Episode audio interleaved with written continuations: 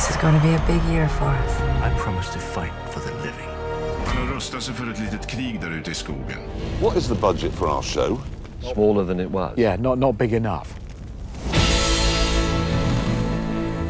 Hej och varmt välkomna till det fjortonde avsnittet av Streamingpodden. Som vanligt med mig, Jonas Rydholm Birmi och eh, Magnus Svensson. Vi båda jobbar på Ivin Technology. Vi har precis avslutat en presskonferens här på morgonen och där vi presenterade talarna till eh, årets Streaming Tech Sweden 2019 och det lät så här. Good morning and welcome to Ivan's press conference revealing the speaker lineup for uh, Streaming Tech Sweden 2019. So we have invited T.Y. Duang from Netflix. And this year we are happy to have Christian Feldman from Bitmovie We have invited Espen Erikstad from Norwegian Media in Norway. and we are happy to welcome Mikael Roson, who's the CTO, to take the stage for a Streaming Tech talk about the challenges to build a scalable real-time video analysis infrastructure. That's why we have invited Robert Seeliger from uh, Fraunhofer Focus. We have invited Will Law to come and talk about how to optimize the player experience with small tips and tricks that he has found during his years and during his experience. We have invited Mark Szymantkowski, VP Engineering from High Vision, for a Streaming Tech talk We have invited Naveen Mareddy from the infrastructure team at Netflix. Uh, I look forward to seeing you on uh, on November the 7th in Stockholm at Hotel at 6 for great talks, great networking and great learning. See you there. Ja, bra, då står jag här med Jonas Rödén på Dolby som är en av talarna till Streaming Tech Sweden i år. Vad ska du prata om på Streaming Tech Sweden Jonas? Jag ska prata om eh, Dolby Atmos och Immersive Audio, hur det har utvecklats under de år vi har hållit på och det vi har lärt oss eh, under de åren. Och hur det har startade så att säga på biografsidan men nu nyligen också har blivit lanserad för musik. När du säger Immersive Audio, för den som inte är ljudnörd, vad, vad betyder det egentligen? Det är, det är nästa steg i, i, i hur man kan mixa och återge ljud. Där du inte mixar till specifika högtalare som är till exempel två stereohögtalare och sådär. Utan de som skapar ljudmixen kan mixa med ljudobjekt som de kan placera vart som helst runt omkring dig. Och sen när det väl spelas upp eller återges, om det är hörlurar eller jättemånga högtalare, så renderar man det till den specifika högtalarkonfigurationen. Och då kan man återge en ljudeffekt som du får ljud vart som helst runt omkring dig, så du verkligen är på plats. Du är immersed i, i, i ljudbilden helt enkelt. Och här avslutningsvis så hörde vi Jonas Rödén från Dolby eh, som är en av talarna på, på Streaming Tech.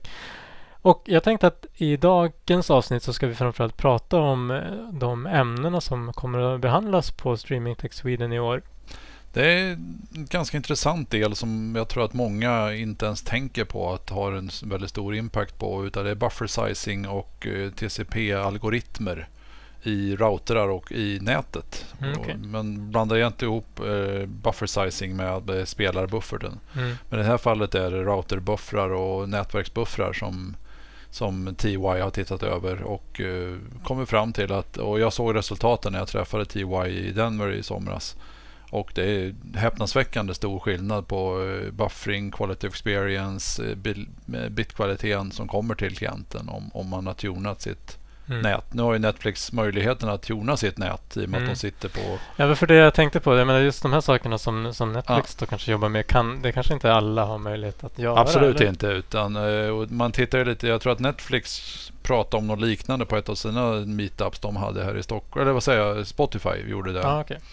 När de pratade om, om eh, congestion-algoritmer och eh, de bitarna. Mm. Så att det är ju en sak som diskuteras mer och mer. Och, och eh, Visst, gemene man med liten, liten tjänst kanske inte kan påverka det så mycket. Mm. Men har du, har du, har du, köper du CDN-kraft så kan du påverka CDN-leverantörerna och Mm. sådana saker också. Men det handlar, handlar framförallt helt enkelt om att ha så bra slutanvändarupplevelse som möjligt. Ja. Att det spelar avbrottsfritt och Mm. utan buffring. Och, och Ja, du kan ju lätt få det som kallat buffer bloat i näten och sådana Ja, saker om du har för stora buffrar. Och, Men eh, det, här är, det här är också, nu håller ju Netflix kanske inte så mycket på med live än så länge i alla fall. Ehm, och eh, så de, de har väl inte tittat på så mycket annat än TCP och AVR och hela den Nej. biten. sig. Så att, men det kanske är mer relevant för, eller det är mer relaterat till, till de bitarna så. Mm. Ja, det blir det ju. De tittar ju inte riktigt på livesändningar i sin värld. Men, Mm. men nej, jag tycker det var intressanta och att det var, det, var inte, det var inte små procentuella förändringar utan det var ganska stora skillnader som Mm. hon kunde visa i sina siffror som hon kommer att avslöja. Hon det. kommer även börja med att, att göra en liten genomgång vad, vad buffer sizing är och, och hur teknologin bakom det också. Okej. Så att de som inte är fullt insatta i TCP-signalering kan hänga med i presentationen ändå. Mm.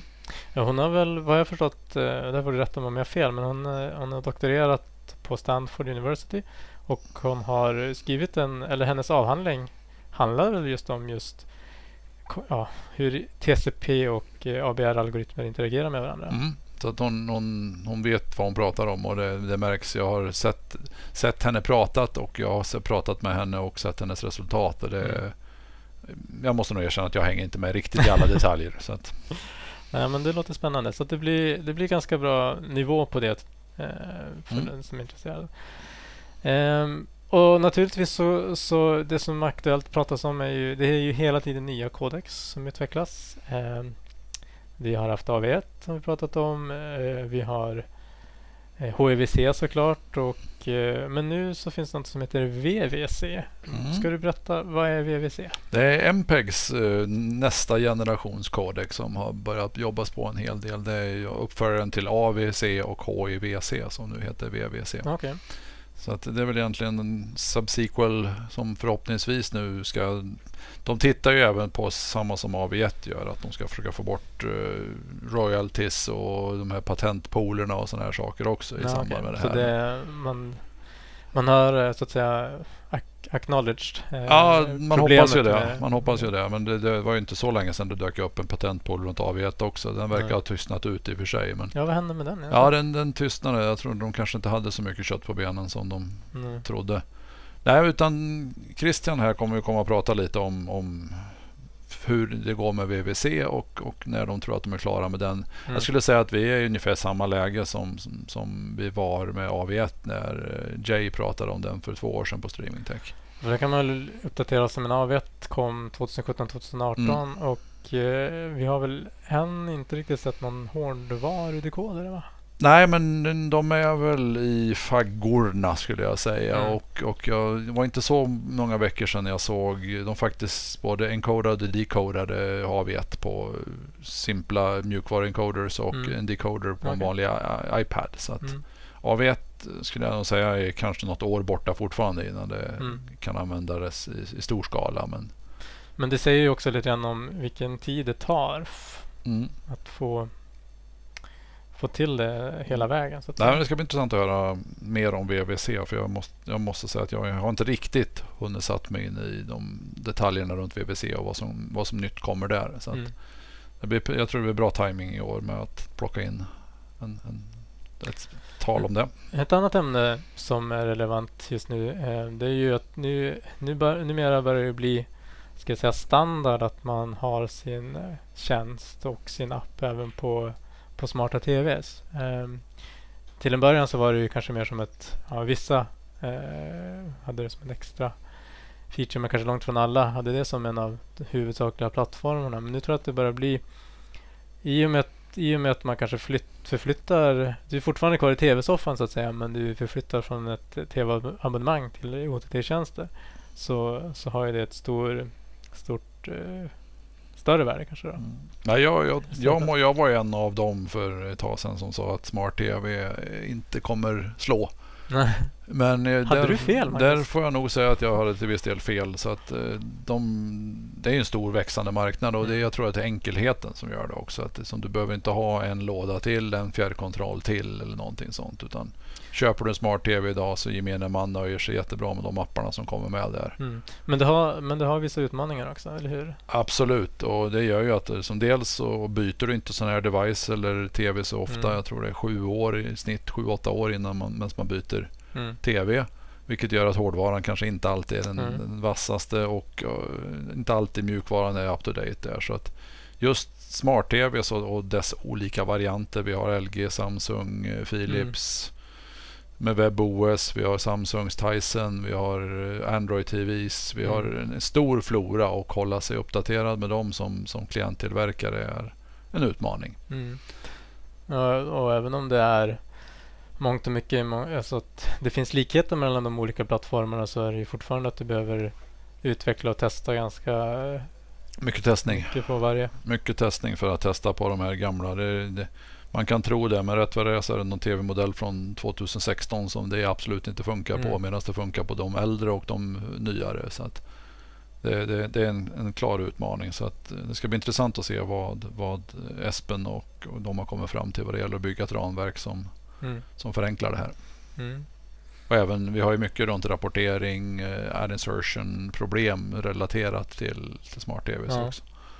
Ja, just det. Och apropå ad insertion, där har vi ju, det kommer ju också på, på agendan i år. Eh, där vi kommer ha en talare från eh, Fraunhofer Fokus som har jobbat en hel del med, med eh, just reklam, dynamisk reklaminsättning i strömmar. Vad, vad, vad, vad är, förut, förutom utmaningen kanske med att få det att fungera klockrent på smarta TVs, vad finns det andra för utmaningar kring kring eh, reklam i Ja, jag skulle säga att de, de flesta problemen börjar dyka upp när, när marknaden går mer och mer mot programmatics. mm. Dels får du ju tidsaspekterna där också som, och eh, antal lager i programmatics-kedjorna Mm. och sådana saker som gör att tidsaspekterna blir ett problem. Men då har du även eh, validity time på annonstracking i VOD och sådana saker. Så jag var nere och träffade Fraunhofer och, och Robert nu förra veckan faktiskt i samband med att jag var på Berlin Tech Meetup. Mm. Och fick lyssna lite. De har jobbat många år med, med eh, ad insertion och annonsering i, och service, speciellt service ad insertion. Så att jag tror att vi kommer få mycket matnyttiga tips från Robert och Mm. deras, deras forskning och utveckling inom området. Och programmatics kan man väl förenklat sammanfatta som att det handlar om en, en öppen marknad eller en auktion där Mm. man som annonsör eh, via en dator köper Ja, kampanjer. eh, och, re- real time bidding och Ja. Det är auktion på att, att publishern säger att här har jag en slott. Vill Mm. ni köpa plats i den? Och sen blir det en, en, en auktionering av det i Mm. realtid. Och det är något som eh, på, på display, eh, vanliga displayreklam, alltså på webbsidor. Alltså, då är det ju, det, det, det är ganska ut, utbrett så att Mm. säga. Eller det är kanske största. Men, men nu inom video, videoreklambiten så är det ju eh, väl där det handlar om mest. Eh, Det är inte så det, det kommer men det är inte egentligen så utbrett än. Alltså de stora tv-husen har ju väldigt stor andel Direktförsäljning. Mm. Mm. Utan jag tror att eh, än så länge så känns det som åtminstone i vår del av världen så är programmatics mer en, en utfyllnad. Men att eh, vi har sett i andra delar av världen så är faktiskt eh, USA ligger en hel del före oss där. Där Mm. sker mycket av videoförsäljning i programmatics. Mm. Och även söderut i Europa är det större andel än vad det är i Norden. Jag tror att våra programhus och programbolag är ganska bra på direktförsäljning. Mm. Det kan ju också vara att man har, men USA är ju så mycket större yta också. Mm. Så det är klart att du har eh, ja, det kanske det kan man väl tänka sig att, um, att eh, lokal, lokala publishers här i Sverige har behöver gå mot, mot en sån lösning för att man inte har möjlighet att sälja nationell reklam Mm. eftersom man har bara ett lokalt säljkontor. Nej, men det finns mycket intressant som kommer ju just runt ad insertion. Om man tittar på använda samma teknologier som egentligen som på webben med, med så kallad header bidding. Att man Mm. annonserar tidigare än själva annonstillfället vilka annonser som kommer gå att köpa. Och Mm. Man gör preloading, som att man hämtar annonser i god tid innan för Mm. live-event. För där har du ju utmaningarna att om, om man sitter och tittar på cricket i Indien med, med miljontals tittare och Mm. du får ett reklamavbrott direkt för alla och alla ska då gå och hämta sin personaliserade reklam. Mm. Så det blir utmaningar på annonsservrar och nätverk överhuvudtaget. Mm. Så det är lite av de bitarna och de utmaningarna som, som vi kommer få höra mer om. Mm. Spännande. Innan vi går vidare med nästa ämne då ska vi ta veckans streamingnyheter. Simon och TV4 fortsätter att satsa på egenproducerat innehåll med serien Tunn is som tar avstamp i en politiskt laddad händelse när ett forskningsfartyg attackeras utanför Grönland. Lena Endre spelar Sveriges utrikesminister och Bianca Kronlöf spelar Säpo-agenten.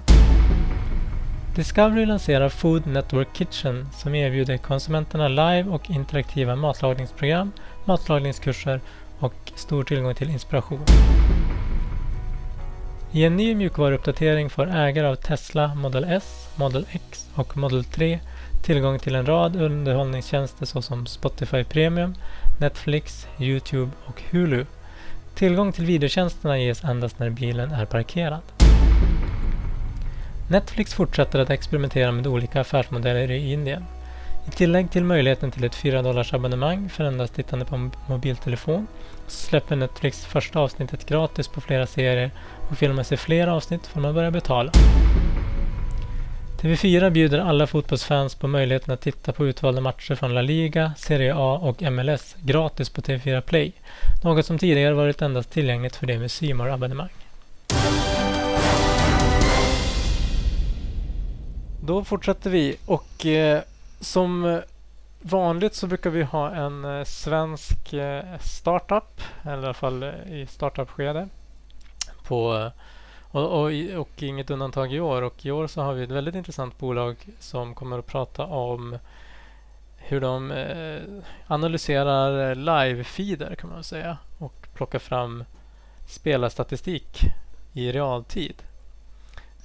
Och det intressanta med den här lösningen är att de gör det med ett kluster av GPU i molnet. Så förutom att plocka in då de här 4K-strömmarna och få dem upp till molnet så analyserar de även det och eh, man kan plocka fram eh, vilka spelare kan de identifiera och eh, hur, hur de rör sig och hastighet och så vidare. Vad kan vi tänka oss för, för tillämpning av den här tekniken? förutom de tillämpningar som redan finns. Jag kan ju avslöja att den här teknologin används redan i svensk fotboll med både allsvenskan och superettan. Mm. Där, de, okay. där, där själva klubbarna använder in teknologin mm. för att analysera och, och efterbearbeta varje match och varje träning. Så mm. Definitivt kan man ju använda det i studiosammanhang, expertkommentatorer, kan man ta, ta, kommentatorer som kan använda det här för att, att visa på olika spelmönster och spelsystem och, och sådana saker. Och sen behöver man kanske, men det är framförallt sport i det här mm. läget. Som, och när jag pratade med Mikael så ser jag att de, de är några, bara några sekunder efter en livesändning på att göra färdig analys på det. Mm. De har appar, man kan liksom välja spelare, följa två, tre spelare, se vilket avstånd de hela tiden ligger från varandra. Så att möjligheterna är oändliga, men för, för video och tv-sammanhang så är det framförallt expert. Mm expertutlåtande och man kan visa, visa på spelmönster och sådana saker i, i tv-rutan. Mm.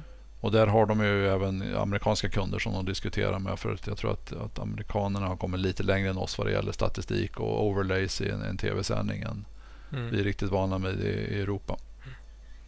Men det var ett väldigt intressant företag. Både som videonörd och sportnörd så mm. var det en, en match in heaven Perfect. för mig själv. Mm. Ja, det blir spännande också. Då hoppar vi över till någonting eh, som också är viktigt eh, men inte har så mycket kanske med visuella att göra utan med ljud. Och vi hörde här en intervju med Jonas Redén på Dolby som kommer, vad han kommer att prata om. Eh, och eh, det tror jag kommer bli väldigt spännande att höra eh, de senaste uppdateringarna. Det har ju skett en del. Dolby har ju haft en del eh, releaser här nyligt. Är det du vill nämna Magnus?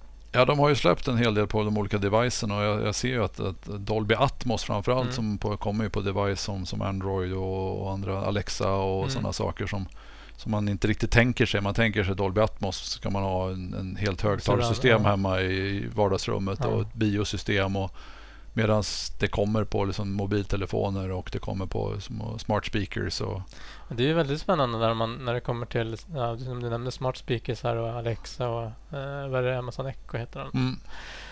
Eh, just där att få en, eh, det de kallar en immersive audio-upplevelse. Alltså, eh, det känns som att du befinner dig mm. där det sker, eller ska säga. Med de medlen. Det är ju, det är riktigt intressant och det mm. handlar väldigt mycket om på något sätt att lura örat. Mm. Eh, eller lura, man, man förstår människans fysiologi på ett sätt som man kan helt enkelt lura den. Mm. Uh, ja, och ljudupplevelsen för en, för en, när man sitter och går tillbaka till video så är ju som ljudet en stor del av den totala upplevelsen. Att om du känner dig delaktig med ljud så blir ju bilden mindre viktig skulle jag säga. Mm. Så att det är jättekul att höra Jonas när han kommer och berätta mm. lite vad, vad, vad som pågår i det området. Och, vad de kallar Next Generation Audio. I förra avsnittet så pratade vi om, om utmaningarna med low latency och HTTP streaming generellt. Och eh, En som eh, pratade om low latency eh, chunk transfer encoding för, eh, vad var det, 2017? Om två år sedan var det Ja, det var ju Willow och han kommer ju då tillbaka och ska prata om kanske inte exakt just det då, men, men, men kring, kring spelare, ABR och den biten. Och där, det är ju varför jag kopplar ihop det med just low latency. Där, det, är väldigt, det, det som är intressant, eller det man har hittat eh, som eh, en av kanske utmaningarna med low latency chunk transfer encoding är ju att eh, den traditionella ABR-algoritmerna som man använder för live i vanliga fall inte fungerar så bra. Eller det fungerar men du kommer inte upp kanske i den, den videokvalitet som du borde kunna komma upp i om man kollar på hur, hur bandbredden ser ut. Eh, och där finns det ju eh, olika...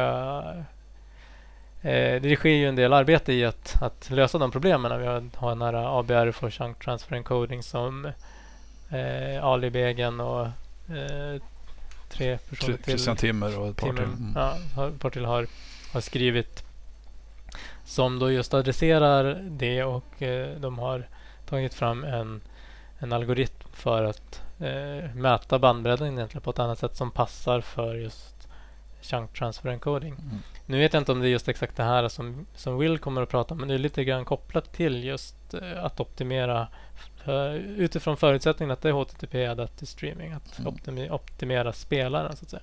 Ja, det inte alla vet eh, det är att Will har en, en lång bakgrund inom spelarutveckling och klientsidoutveckling och är fortfarande på ja, enligt hans mått mätt hobbynivå, men jag tror att det är relativt professionell nivå, så utvecklar han mycket klient och mjukvara fortfarande mm. och är högst delaktig i Dash IFs referensspelare och sådana saker. Så mm.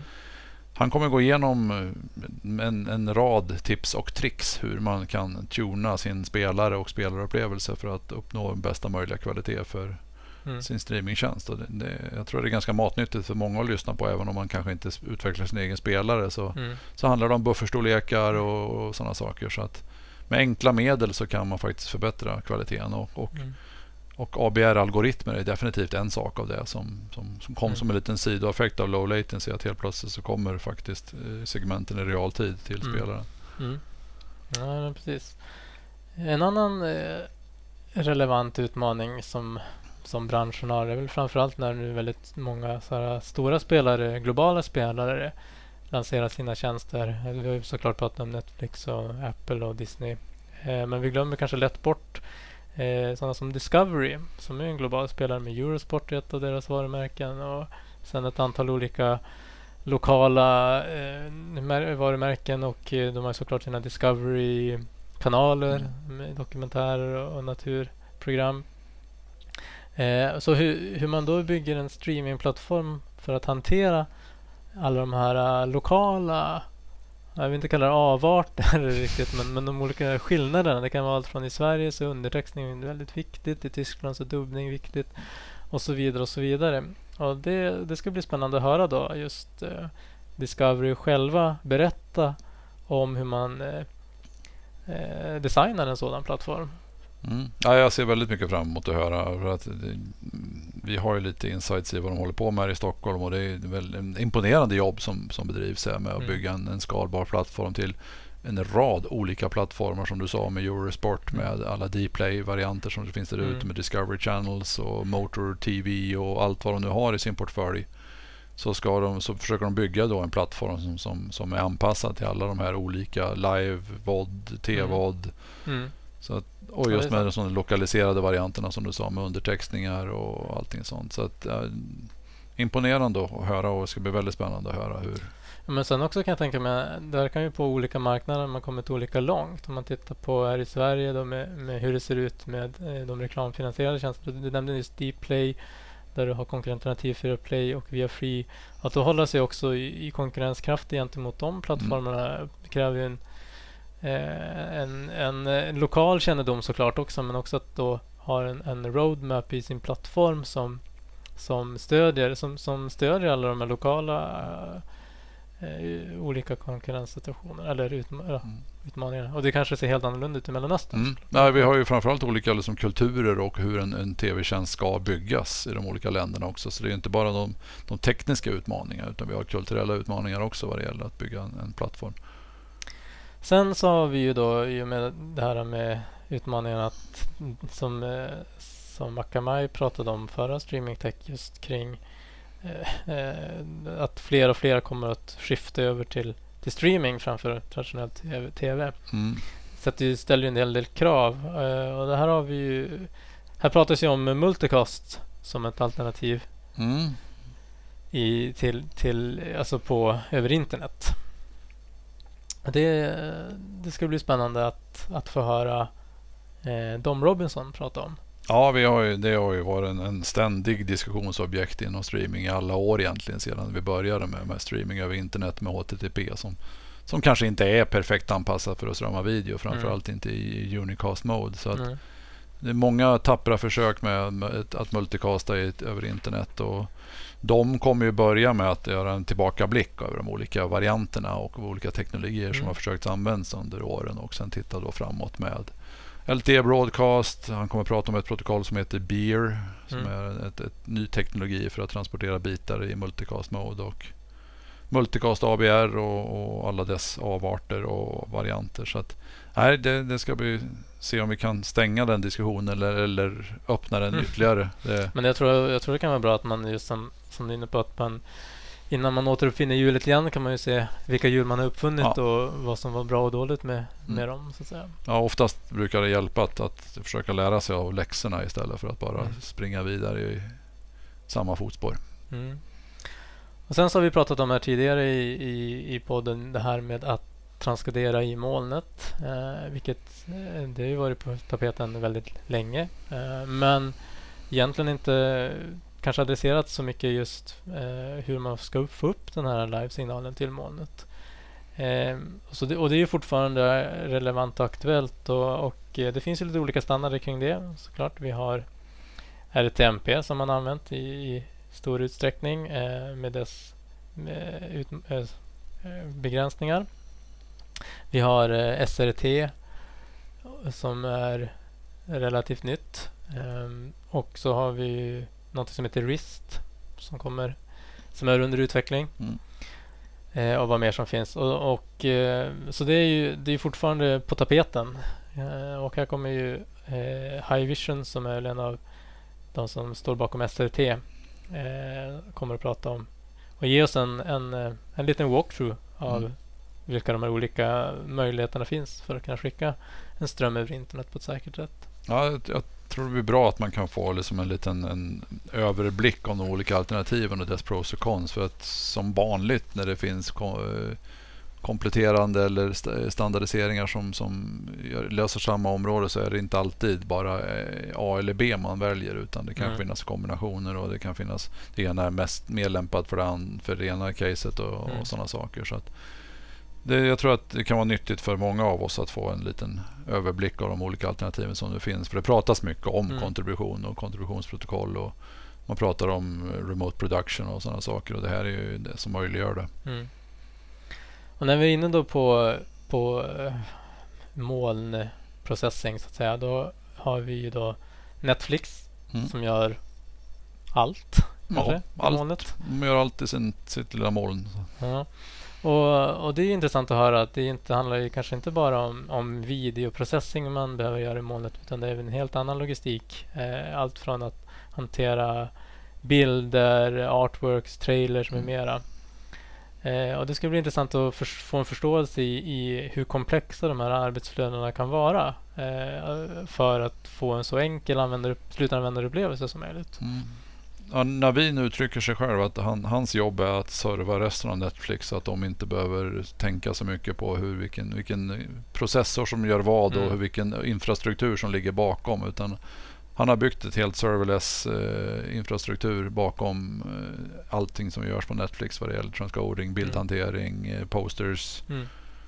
Så det ska bli jätteintressant att se hur, hur de tänker när de bygger upp det. här, För Mm. att jag tror att vi kan lära oss en hel del av det. Vi andra som inte har de Mm. de stora skalorna av molntranskodering. Och, Nej, de har ju som alla de här globala aktörerna har ju, har ju en helt annan skal, skala Mm. på det de gör. Eh, och, det är ju, menar, det är inte om man då samtidigt lägger vad är det, flera miljarder på, på produktionen så har man ju också ett fönster när sakerna ska ut Mm. för att eh, antikörna och, och hantera ja, lanseringsplaner och där behöver man ju ha en, en, en, en arbetsflöde och logistik Mm. som hanterar det eller stödjer det.